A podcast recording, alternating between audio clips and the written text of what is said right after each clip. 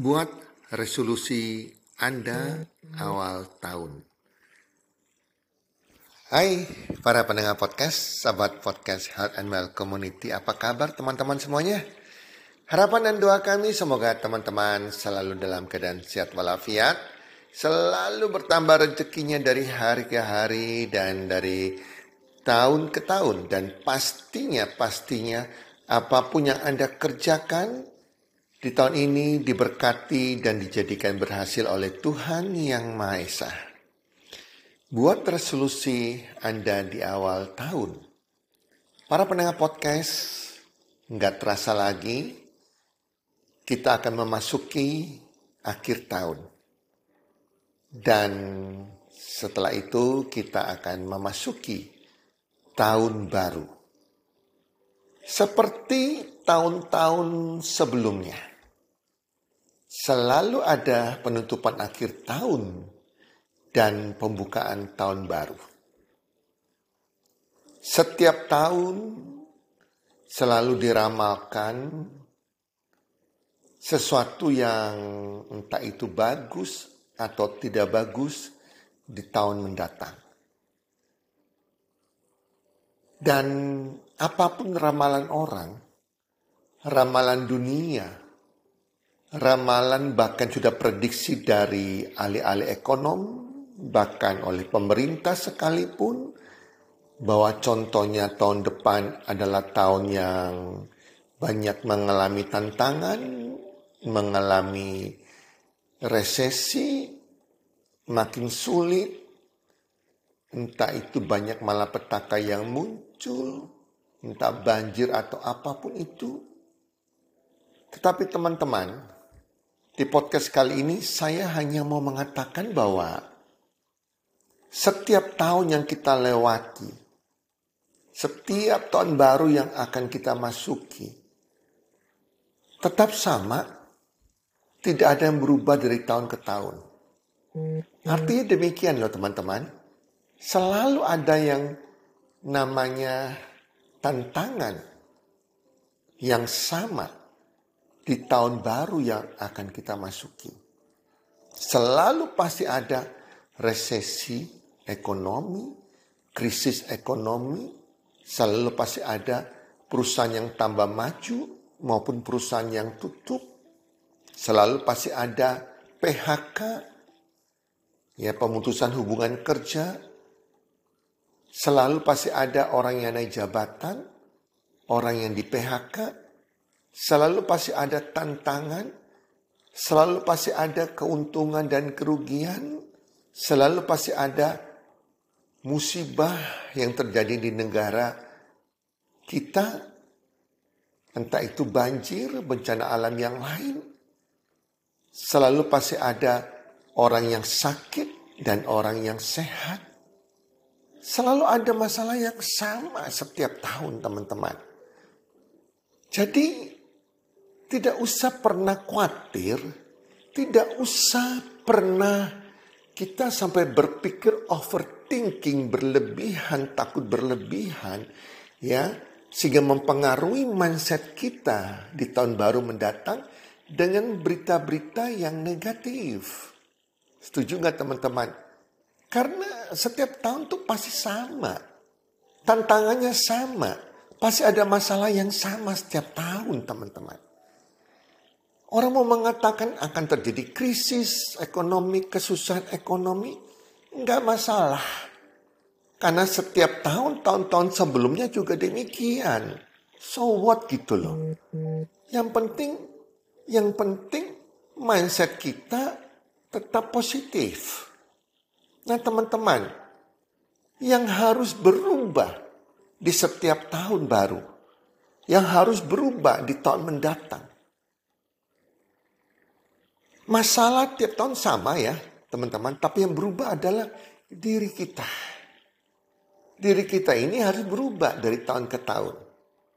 Setiap tahun kita harus mengupgrade diri kita. Mengupgrade mindset kita. Mengupgrade karakter kita. Mengupgrade goal dan target kita. Mengupgrade etos kerja kita. Mengupgrade passion kita, mengupgrade impian kita. Agar setiap tahun yang kita masuki tahun baru dan sepanjang tahun baru tersebut, kita makin bertumbuh. Kita makin bertambah, berubah mindsetnya ke arah positif. Kita bisa menjadi magnet rezeki. Kita makin bertambah rezekinya kita makin lancar usaha, bisnis kita, keuangan kita, kebahagiaan keluarga kita, kesehatan kita, semua makin lebih baik di tahun mendatang. Ini yang harus kita ubah, yaitu diri kita yang berubah setiap tahun. Karakter kita berubah setiap tahun. Mindset kita berubah setiap tahun. Ini membuat setiap tahun tantangan tetap sama di tahun-tahun sebelumnya, tetapi kita bisa melewati tahun tersebut dengan tantangannya, dengan permasalahannya, dan kita keluar sebagai pemenang di tahun baru nanti. Kita keluar sebagai orang yang makin tumbuh, karakter menjadi lebih baik, menjadi lebih hebat dari tahun sebelumnya. Kita makin lebih sukses, lebih kaya, lebih bahagia, lebih sejahtera dari tahun-tahun sebelumnya. Pola hidup kita juga makin lebih benar. Kesehatan kita makin lebih baik. Penyakit kita makin lebih hilang bahkan minimal berkurang. Diabetes kita, kolesterol kita, liver kita, apa pun itu karena pola hidup kita makin lebih benar. Berat badan kita juga mungkin makin lebih menurun ya. Nah, kita makin lebih rajin olahraga dan lain-lain. Nah itu teman-teman, itulah sebabnya kita penting sekali membuat resolusi di akhir tahun. Sehingga tahun baru nanti, tahun mendatang nanti, kitanya yang berubah. Tahunnya tetap sama. Masalah setiap tahun tetap sama kitanya yang berubah. Pribadi kitanya yang berubah, mindset kita yang berubah. Goal target kita yang berubah dan itu akan tercapai kalau kita buat resolusinya di akhir tahun ini. Nah teman-teman, sahabat podcast Heart and Well Community, bagaimana membuat sebuah resolusi di akhir tahun agar tahun depan kita bisa lewati dengan kemenangan? Kalau tidak ada resolusi yang Anda buat di akhir tahun, kita hanya bingung dengan acara kita, dengan pesta kita, ya. Itu sayang sekali. Akhirnya setiap tahun tidak ada perubahan dalam hidup kita. Karena kita tidak punya rencana untuk hidup kita di tahun baru mendatang. Oke, yang saya biasa lakukan dan ajarkan ke dalam grup saya, buat resolusi akhir tahun semua berkaitan dengan diri kita. Kita harus lebih baik dari tahun-tahun kemarin, dari tahun ini. Yang pertama, resolusi yang pertama, Anda bisa merenungkan nanti di tanggal 31 Desember. Saya biasanya tepat pukul 12 di setiap tanggal 31 Desember itu waktu saya pribadi dengan Tuhan atau kadang bersama keluarga kita mengucap syukur apa pun terjadi di tahun ini baik suka maupun duka tapi semuanya sudah lewat di tahun ini dan kita masih diberikan kecukupan kesehatan itu mengucap syukur mengucap syukur Tuhan masih menyertai kita di tahun kemarin, di tahun ini. Jadi resolusi yang kita buat pertama adalah hubungan kita dengan Tuhan. Anda cek hubungan tuh Anda dengan Tuhan di tahun ini yang akan lewat bagaimana? Apakah sudah lebih baik Anda sudah dek, makin dekat dengan Tuhan sembahyang Anda tidak bolong, apakah Anda masih lupa sembahyang berdoa setiap hari atau tidak? Apakah Anda baca kitab suci setiap hari apa tidak? Apakah Anda punya waktu satu jam setidak-tidaknya untuk hubungan pribadi Anda dengan Tuhan atau tidak? Apakah Anda ada berpuasa untuk mendekatkan hubungan Anda dengan Tuhan atau tidak di tahun ini? Apakah Anda rajin ke tempat ibadah atau tidak di tahun ini? Nah, ini pertama. Anda catat, tulis, dan bawa dalam doa Anda di akhir tahun. Tuhan, saya mau buat resolusi di tahun baru nanti. Hubungan saya dengan Tuhan, saya mau memperbaiki dan menjadi target saya. Ini kekurangan saya yang berkaitan berhubungan dengan Tuhan. Mohon diberkati Tuhan. Jelas teman-teman ya. Pertama adalah hubungan Anda dengan Tuhan diperbaiki. Buat target yang lebih baik ke depannya. Tentunya berkaitan dengan hubungan Anda dengan Tuhan, berkaitan dengan karakter Anda juga. Anda katakan bahwa ini karakter saya yang di tahun ini yang menurut saya itu masih kurang bagus. Ya, jadi Anda jadi Anda yang lebih benar di tahun baru mendatang.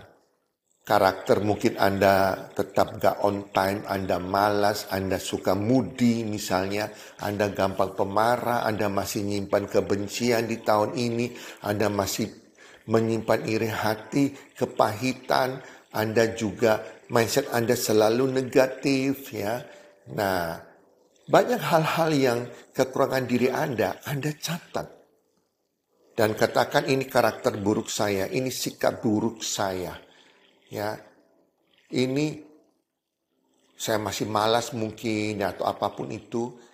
Saya akan mau ubah menjadi karakter yang positif. Catat karakter apa yang yang Anda ingin terbentuk di tahun mendatang. Mindset Anda juga harus lebih positif.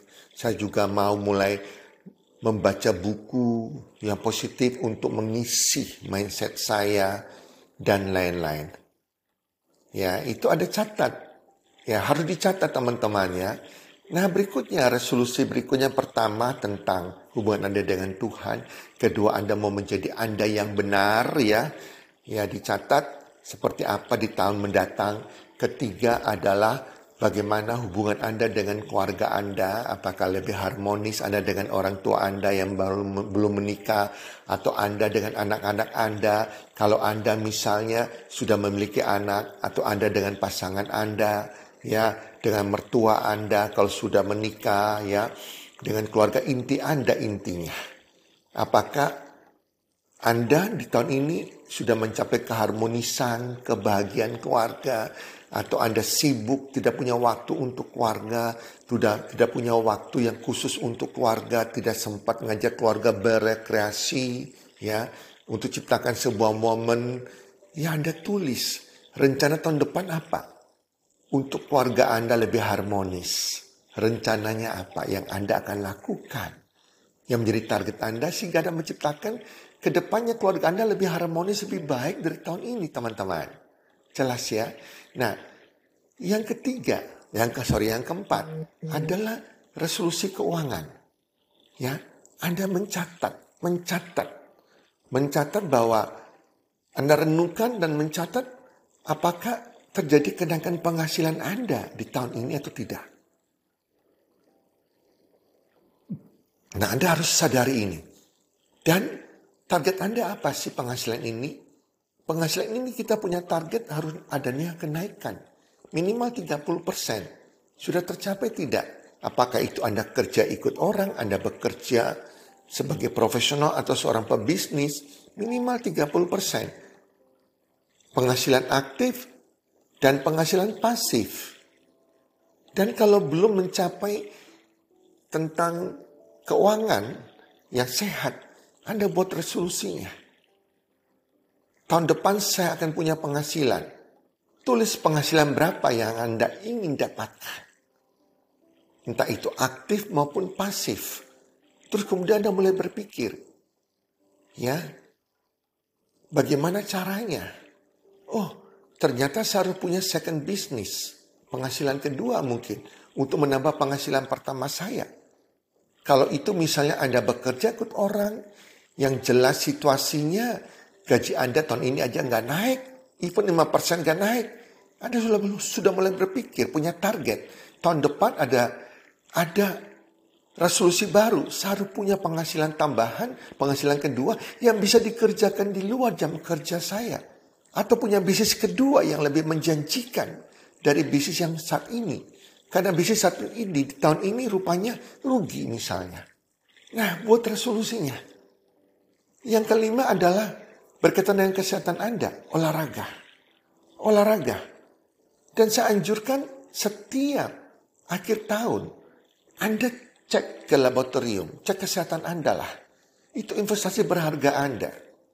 Jangan Anda sayang dengan nilai uang yang tidak seberapa itu yang Anda masih berpikir mahal, tapi itu terpenting untuk kesehatan Anda. Karena kesehatan Anda itu aset Anda, teman-teman. Mendekati akhir tahun Anda sudah cek lab. Cek gula Anda, cek kolesterol Anda, cek liver Anda, cek asam urat Anda, ya, itu hal-hal yang umum yang Anda bisa cek teman-teman. Cek pH tubuh Anda. Sehingga Anda tahu, oh ada masalah di kolesterol saya, ada masalah tentang diabetes saya, gula saya makin tinggi dibandingkan tahun sebelumnya. Oh ada masalah juga di kolesterol saya, LDL saya tinggi, HDL saya rendah. Wah, ada masalah juga di ginjal saya, di asam urat saya, di tensi darah saya, saya rupanya darah tinggi juga. Nah ini Anda harus sadari. Sehingga setiap tahun Anda ada punya hasil lab. Dan itu harus jadi perbaikan kesehatan Anda. Kalau tidak, Anda punya resolusi. Oke tahun depan, kesehatan saya harus lebih baik. Saya harus rubah pola makan saya. Berat badan saya harus turun. Diabetes saya harus turun. Kolesterol saya harus turun. Pola makan saya harus benar. Pola makan dan pola minum. Saya tidak minum macam-macam. Hanya minum air putih yang sehat. Saya harus berolahraga. Lima kali seminggu. Minimal 30 menit. Saya harus paksakan diri saya. Tahun depan saya harus lebih sehat. Itu resolusi saya untuk kesehatan saya. Jelas teman-teman ya. Nah, yang keenam. Yang keenam adalah berhubungan dengan mindset. Pikiran bawah sadar Anda. Apakah mindset Anda sudah positif atau masih tetap negatif? Anda masih stres, ketakutan, punya mental block. Itu berkaitan dengan mindset semua. Kalau Anda masih punya mental block, Anda masih ketakutan, masa depan Anda masih stres, Anda tidak punya pengharapan, anda masih banyak negatif ya, Anda harus rubah mindset Anda di tahun depan. Menjadi mindset yang positif tentunya. Dengan banyak membaca buku, Anda mengisi hal-hal positif dalam pikiran Anda. ya Karena ini pikiran harus penting sekali. Karena pikiran ini, mindset yang positif ini membuat Anda bisa menjadi manen rezeki. Ya, kalau di dalam komunitas kita, Anda silakan dengarkan sudah ada e-course gratis ya tentang bagaimana meningkatkan plafon rezeki ya itu semua berkaitan dengan mindset. Tadi masalah keuangan ya sebelumnya itu kalau Anda juga kalau merasa di tahun ini Anda belum bisa mengelola keuangan yang baik, Anda harus belajar. Di tahun depan anda harus bisa mengelola keuangan yang baik.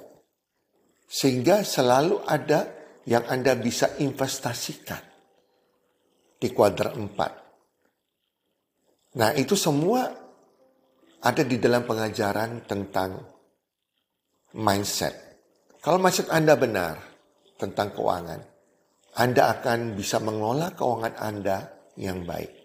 Sehingga berapapun penghasilan Anda, selalu ada disisikan untuk dana darurat, untuk investasi masa depan dan hari tua Anda untuk anak-anak Anda, maupun dana untuk Anda untuk dana fun.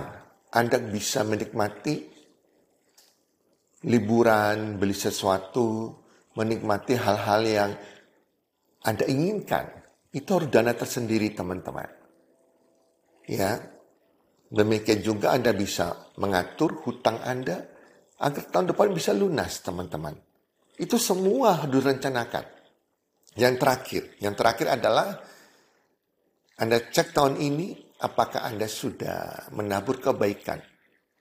Membantu sesama yang kurang beruntung.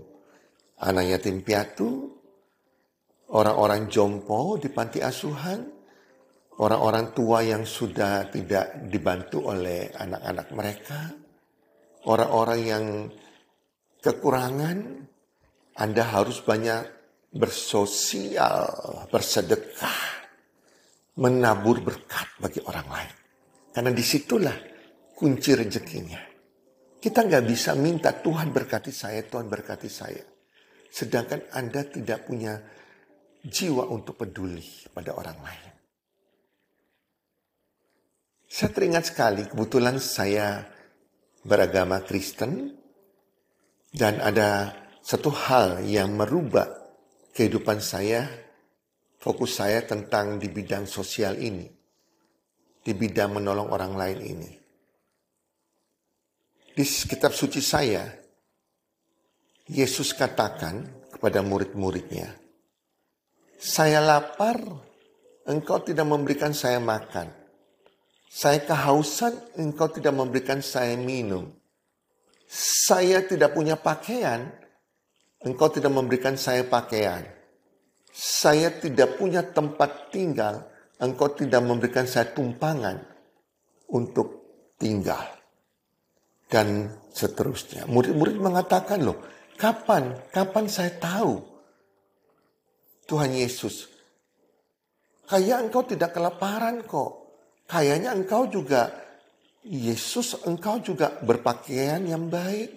Engkau tidak kelaparan, engkau juga tidak kehausan, engkau punya tempat tinggal. Dan Yesus katakan, jika engkau memberikan makan kepada orang yang kelaparan, jika engkau memberikan minum kepada orang yang kehausan, jika engkau memberikan pakaian kepada orang yang tidak punya pakaian, jika engkau memberikan tumpangan untuk mereka tinggal kepada orang yang tidak punya rumah, itu artinya engkau memberikan makan kepada saya, engkau memberikan minum kepada saya, engkau memberikan pakaian kepada saya, engkau memberikan tumpangan untuk tinggal tempat tinggal saya. Engkau memberkati orang-orang kekurangan, orang-orang miskin. Itu artinya engkau sedang memberkati, menolong saya. Itu kata Yesus. Wow, itu luar biasa sekali, teman-teman. Itu merubah hidup saya. Sehingga terkadang saya melihat orang pengemis, orang yang pinter tapi tidak mampu untuk sekolah anak yatim misalnya. Itu saya melihat Yesus. Itulah sebabnya. Suster almarhum Suster Teresia di Kalkuta, India.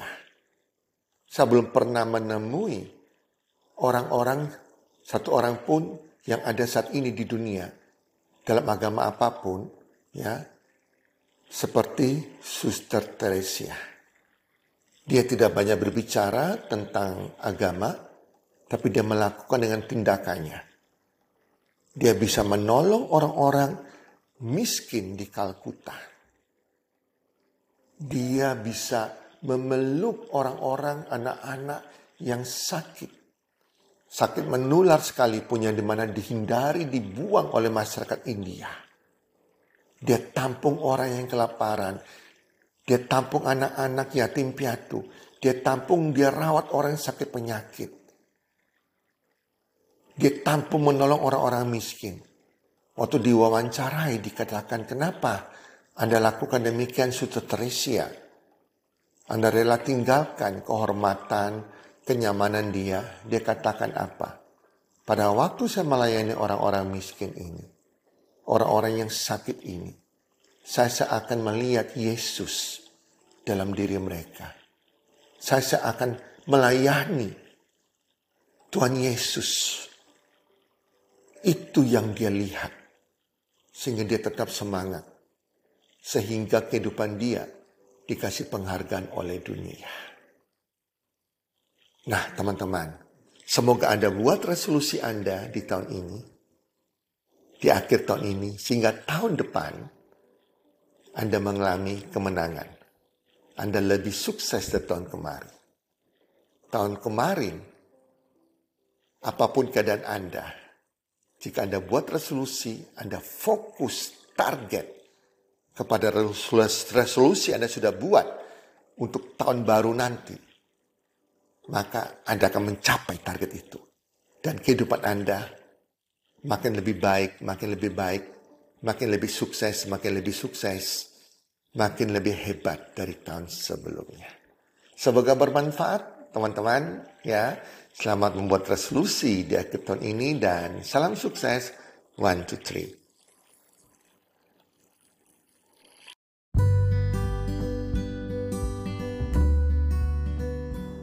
Terima kasih sudah mendengarkan podcast kami. Teman, jika Anda rasa bermanfaat podcast kami ini, Anda bisa menginfokan kepada rekan kerja Anda, keluarga Anda, teman ataupun sahabat Anda. Dan jika ada hal-hal yang Anda ingin tanyakan kepada kami ataupun topik-topik apa yang Anda ingin kami bawakan, kami sampaikan, Anda bisa DM kami di Instagram kami healthcommunity.id. Salam one two three, salam sehat, sejahtera dan bahagia.